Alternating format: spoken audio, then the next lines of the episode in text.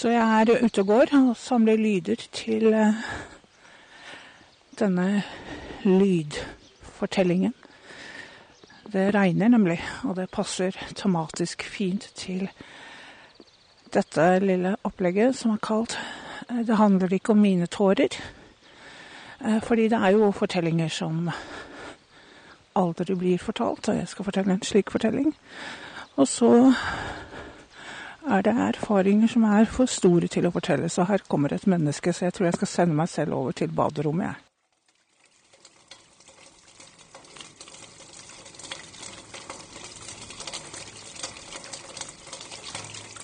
Det handler ikke om mine tårer.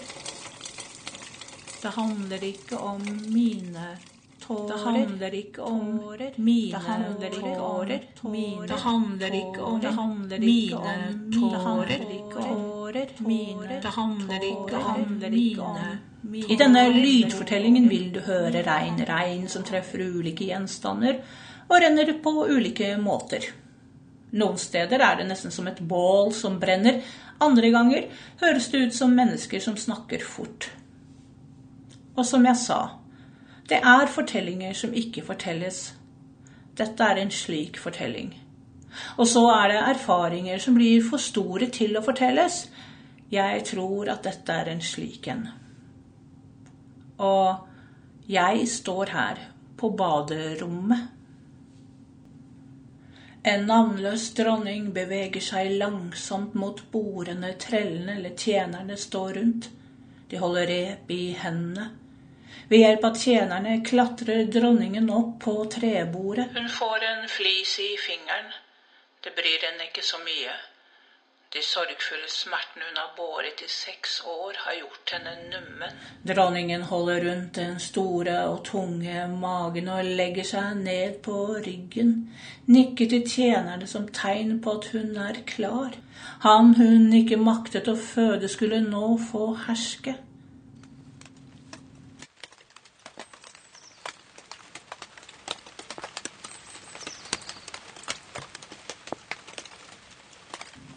Fødsel, død, her, fødsel, der, død, der, fødsel, her, død, der, fødsel Jeg står på badet og gjør opptak, slik at jeg kan dele fortellingene med deg. Sett deg ned, eller gå en tur. Lytt. I dag, for fire år siden, døde min sønn i en seng på et sykehus. Det skjedde 11. mai 2016. Jeg var der. Jeg kom løpende, og jeg var sikker på at dette kom vi til å overleve. Vi overlevde ikke. Her og der. Og der. Stoler fylt med en stakkar som lente hodet mot hånd. Etterfulgt av en arm mot et armelen her og der. De i den lange korridoren helsvei, støttende eller holdende fast i stativer med hjul på stativer, poser i poser, en gjennomsiktig væske. De klamret seg til krusifiksene for lindrende nåde. Helsvei, en ni netters mørk reise til dødsriket. Ja, så norrønt. Hvilke rester finnes da av norrøne tiden hos oss i dag? Og hva er det vi tar med oss av fortellinger? Hva vet du og jeg om norrøn mytologi, f.eks.? Det norrøne prosa- og poesimaterialet, om jeg kan kalle det det, er stort og omfattende, langt større enn det vi tror. Det handler ikke bare om de norrøne mytene. Og minnet er av stor betydning. Norrøn mytologi fungerer som et kulturelt minne, og det har jo vært med på å forme identiteten til en gruppe, bestemt gruppe mennesker.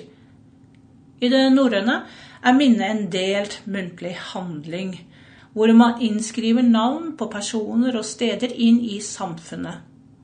Så det holder ikke med at man husker noe, eller at det er en erindring, men et minne er noe som er delt, noe som er aktivisert til andre. Og fortellingene blant skallene ble fiksert i fortellerens minne gjennom rytme, assonanser, alliterasjon, godt hjulpet av ritualer og kroppsliggjøring. Jeg skal ikke gråte, sa jeg til legen, gjemte klumpen bort og presset den ned i magen. Jeg ankom springende inn i den lange korridoren. Det ene jakkeermet mitt var fortsatt løst hengende. Det dasket på siden. Der. Her og der.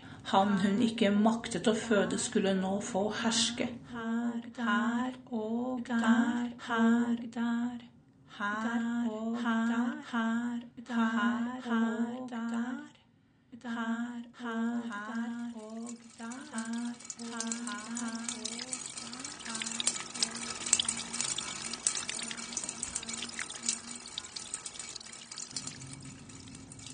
Jeg skal ta med deg på en slags ja, Kall det en transportetappe gjennom mellom to fortellinger fra to ulike tider. Nå sitter du der med en varm kopp te i hånda, tenker jeg, eller så er du ute og går. Det kommer til å gå hulter til bulter, men slik får det være. Først og fremst vil jeg si at hovedfortellingen jeg forteller her, baserer seg på fire linjer i Voldsungsagaen fra norrøn diktning. Den mest kjente karakteren i denne sagaen er Sigurd Fovnesbane. Og dronningen jeg skal fortelle om, er navnløs. Ja, kvinne, navnløs. Men slik sagaen framstiller det, er hun oldemor til Sigurd. Fødsel, død, her, fødsel, der, død, der, fødsel, her, død, der, fødsel, her, død Hun travet fram og tilbake hjemme. Det var en navnløs dronning som skulle bli mor til en slekt det dannes en saga rundt. Hånda stryker over magen som et beskyttende slør. Han hun ikke maktet å føde, skulle nå få herske. Jeg er, jeg er, jeg er redd her og der. Fortellinger fylt med visdom som lener seg på tradisjoner. Her og der. Det lange livet forkortet til et plott. Fødsel. Død. Her, fødsel. Der, død. Der, fødsel. Her, død. Der, fødsel. Her, død. Her, fødsel. Der.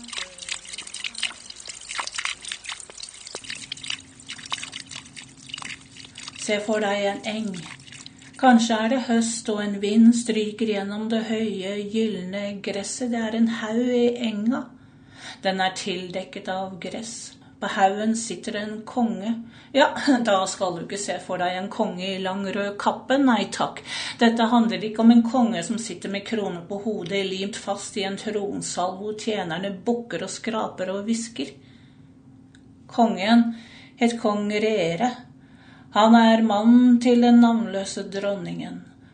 Han er blitt eldre med gråne tår langs tinningen og en måne som langsomt vokser i hodebunnen, svette som stadig la seg mellom øyenbrynene. For kongrere er det ikke lenger håp, nei, det er ikke håp, han er blitt gammel. Hans navnløse dronning har blitt gammel. De er barnløse, verken fødsel eller død. Glemt av gudene, hvor mange bønner og ofringer hadde han ikke gjennomført? De er barnløse, verken fødsel eller død. Hans armer støtter seg mot knærne, han prøvde å sende ut en siste bønn, halvhjertet. Han ville forbli barnløs, sukke og stønn og klø seg i hodebunnen. Han tok et strå, stakk det i munnen, tygde ettertenksomt på det. I det fjerne så Frigg det hele. Gudinne Frigg sto den dagen på Bifrostbroa og hørte bønnen.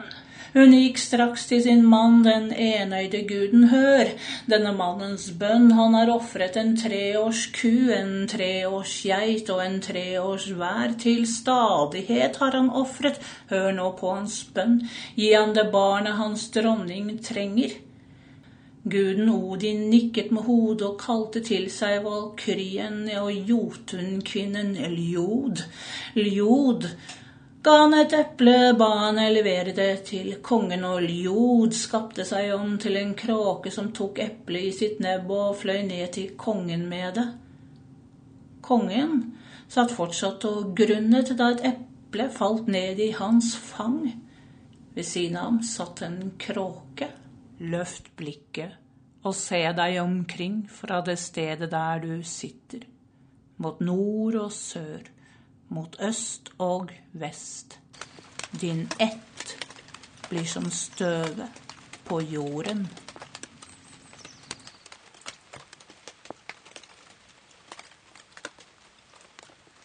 Det handler ikke om mine tårer. Det handler ikke om mine tårer. Det handler ikke om mine tårer. Det handler ikke om mine tårer. Det handler ikke om mine tårer.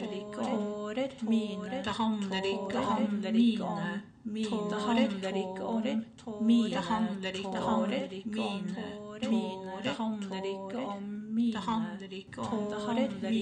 Den lange korridoren på sykehuset Helsvei. Ja, noen dører var på gløtt, sukk og stønn der innefra. Jeg mistet fokus, så bare det hvite, tenkte at det var ingen terskel her. Jeg trengte ikke være redd for å snuble. Hos Hel finnes terskelen kalt fallende fare. Det gjaldt å passe på, ikke falle i fanget på døden, gå med stødige skritt, ingen uro, laget små vindkast av min forflyt. Legen grep tak i meg. Vi gikk inn i et møterom. Vi trådte over en terskel. En bærbar data sto på bordet, noen hadde forlatt rommet i all hast. Det var en pause igjen etter personen, et omdreiingspunkt. Hun, legen, så på meg og anstrengte seg for å skjule det utenlandske preget som lå over språket. Håret hennes hadde et rødskjær som sikkert kom av et eller annet feilskjær i en hårbehandling, du skjønner hva jeg mener. Den bærbare dataen på bordet, skjermen var åpen, den sto i hvilemodus og sendte ut landskapsbilder. Det er fine bilder, jeg husker dem aldri, husker du dem? Bildene seilet over som i en vals. Jeg tror det var et skip som lå og dyppet i havet, en horisont med lyng i kraftig farge, ingen mennesker å se. Den som hadde sittet der, skulle ha fått rikelig anledning til å drømme seg bort, bort fra Helsvei. Helsvei, den veien du går raskt eller langsomt for å komme til henne som tar imot de døde. Det skal visst være kaldt der. Legen så på meg, løftet litt på haken og avslørte en annen kultur. En feil betoning kunne mistolkes da hun skulle fortelle en mor om at hennes sønn var i ferd med å dø. De kunne ikke flytte på ham, sa hun. Flytte på ham? Hva mente hun med at han ikke kunne flyttes? Kanskje var det et ønske om å gi oss et rom hvor døden kunne avlastes med noe hjemmekoselig? De kunne ikke flytte på ham. Jeg skal ikke gråte. Vi kan ikke flytte på ham. Smertene var kraftige nå. Han måtte få fred og hvile. Han hadde falt på badet den morgenen, nå gikk det visst fort, de kunne ikke flytte på han. Han døde snart. Når er snart? Han måtte få en fredfylt død. Ja, men jeg skal ikke gråte. Han skal få fred og hvile, uten at jeg står over han og dekker han med mine tårer. Det handler jo ikke om mine tårer. Det handler ikke om mine tårer. Det handler ikke om mine tårer. Det handler ikke om mine tårer. Det handler ikke om Jeg er redd. Jeg var redd. Og jeg er redd.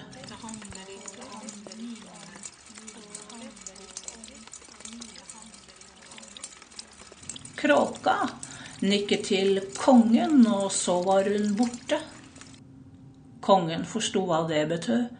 Han reiste seg opp, og med eplet i hånda gikk han hjem til sin navnløse dronning. Hun tok eplet ut av hans grove hånd, et øyeblikk rørte hans hud ved hennes, det kilte i hennes nakke. Etter alle disse årene elsket hun ham og savnet ham hver gang han reiste. Hun delte eplet, ingen steiner falt ut. Ga ham den ene delen, spiste den andre selv med skrått og stein, tok ham i sin hånd, ledet ham inn i kammerset med bred seng dekket av myke skinn. Eplet skulle gi dem sorg og glede. Dronningen er vakker, høyreist og barmfager. Håret i lang flette og nøkkelknippe som rasler i siden. Den navnløse dronningen ble gravid. For en lykke! Men kongen har sine plikter. En dag måtte kongen ut på tokt. Han flettet sitt skjegg, renset sine negler, holdt opp sitt skjold og tok med seg sitt tunge sverd. Han så på kona som bar på den voksne magen, tok så farvel. Språk. Språket i det norrøne materialet er viktig, og det blir sett på som en mulighet til å endre verden. Så språket skal ikke bare beskrive det som skjer, men språket har en sosial funksjon for å aktivisere og holde ved like minnet som kulturarv. Dette er en aktualitet som kanskje ikke er like viktig i dag, for eh, minnet om det norrøne kan fort bli for romantisk. Det finnes flere myter innenfor norrøn mytologi som viser til en kultivering av minnet, spesielt sett gjennom guden Odin, slik som forholdet til jotnen Mime, det avkappede hodet og Mimes brønn. Odins beste venn og jotne, Mime, ble byttet bort til vaner, en annen gudeslekt, og som hevn kuttet de av hodet og sendte hodet tilbake i en blodig sekk. Hodet ble lagt i en brønn hvor det vokter over og samler alt som skjer i verden, og for å ta del i denne visdommen plukket Odin ut sitt eget øye og la det i brønnen. En annen myte, kvasesmjød eller stelingen av kvasesmjød, er også en handling for minnet. Og ikke minst gjennom de to ravnene Hugin og Munin, hvor ravnen Munin er selve personifiseringen av Odins minne. Guden Heimdal er en annen bærer av minnet, og han har en eksepsjonell bra hørsel. Lukk øynene. Pust inn gjennom nesa. Pust ut gjennom munnen til du er helt tom.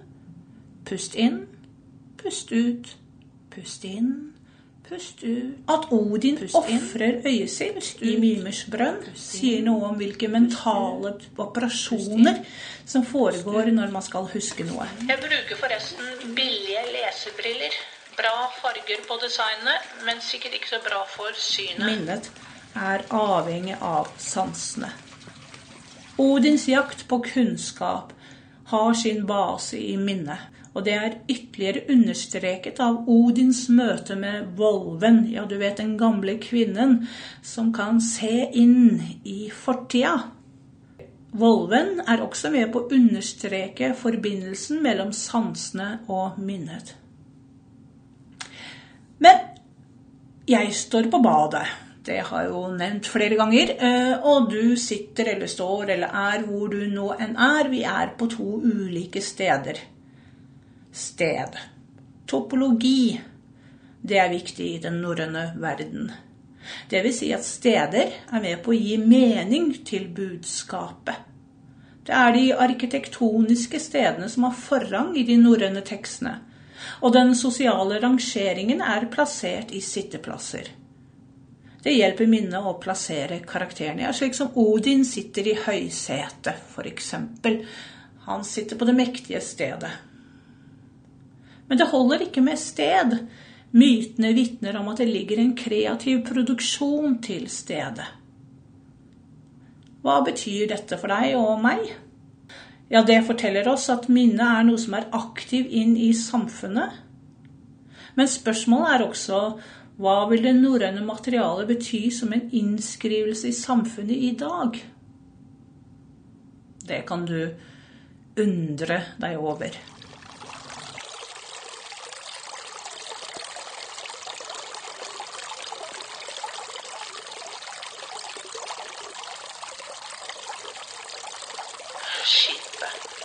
Ja, det var staselig. Og der hadde gutter blitt til menn gjennom harde rotak. Kongen gikk om bord i sitt skip, de reiste vekk. Kong Rere tenkte ikke på å se seg tilbake. Der i skipet, kikke opp på seilet som blafrer, kikke ned på havet som stryker båten ømt. Båten er som en lysende hval i det mørke havet. Mens kriger rodde båten hardt i sjøen, fikk kong Rere se en fremmedkar blant mennene. Han har en kappe over hodet.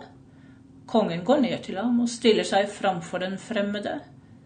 Den fremmede så opp, skjegget var grått, en lapp over det ene øyet. Den fremmede hevet sin stokk og pekte på kongen, stokken berørte ham så vidt.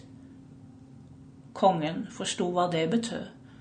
Hans dager var talt, det var den enøyde guden Odin som satt der i båten. Kongen trengtes i Valhall, der de døde reiser. Ja, de som er konger, altså.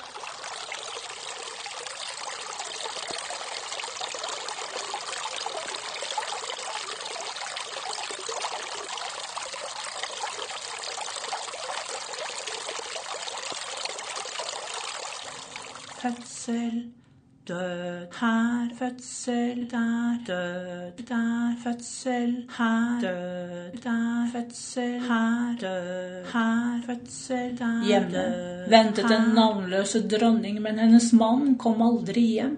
Fylt med sorg maktet hun ikke å føde. Det gikk seks år, seks år, seks år. Seks år med vandring på en gård. Stabburet sto høyt, langhuset var dekket av steiner opp til midten på veggen. Dyrene gresset om sommeren og fødte om våren, men den navnløse dronningen gikk der i seks år og lengtet etter sin tapte mann. Sorgen gjør henne sløv om morgenen, søvnløse netter og langsom i reaksjonen. Langsomt lider hun lengtende døende som sin mann. Hun gikk med barnet i seks år. Da forsto hun at om ikke barnet kom ut nå, ville det ikke overleve dronning uten navn. Kunne ikke lenger bære barnet, hun kalte på trellene og sa bind meg fast og skjær ut mitt barn. Trellene så på hverandre, ville de våge å utsette en annen for slike smerter? Hun rynket øynene. Det var en ordre. En navnløs dronning beveget seg langsomt mot bordet trellene sto rundt. De holdt rep i hendene. Ved hjelp av tjenerne klatret dronningen opp på trebordet. Hun får en flis i fingrene, bryr henne ikke så mye. De sorgfulle smertene hun har båret i seks år, har gjort henne nummen. Hun holdt rundt den tunge magen og la seg ned på ryggen. Hun nikket til tjenerne som tegn på at hun var klar. Pust inn, pust ut, pust inn, pust ut, pust inn, pust ut, pust inn, pust ut. Er du ute og går, eller sitter du? Har du drukket teen ferdig? Husker du det som er større enn deg, så stort at du ikke lenger kunne bære det? Om du bøyer hodet bakover og ser opp, hva ser du der oppe? Aktiviser ditt minne inn i dine omgivelser.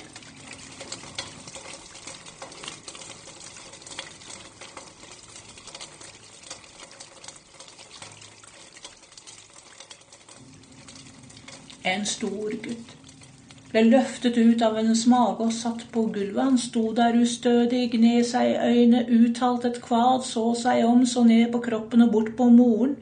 Jeg husker ja på utpust at han gikk med lange skritt og et vippende hode. Jeg husker jeg var redd for å føde han, fordi jeg var redd for at han skulle dø. Jeg husker mye annet også, men jeg har liksom ikke funnet ordene. De er bare små hemmeligheter som venter på å deles. Den nyfødte gutten løp rundt bordet opp til morens ansikt og kysset henne før hun døde. Moren ofret sitt liv for ham.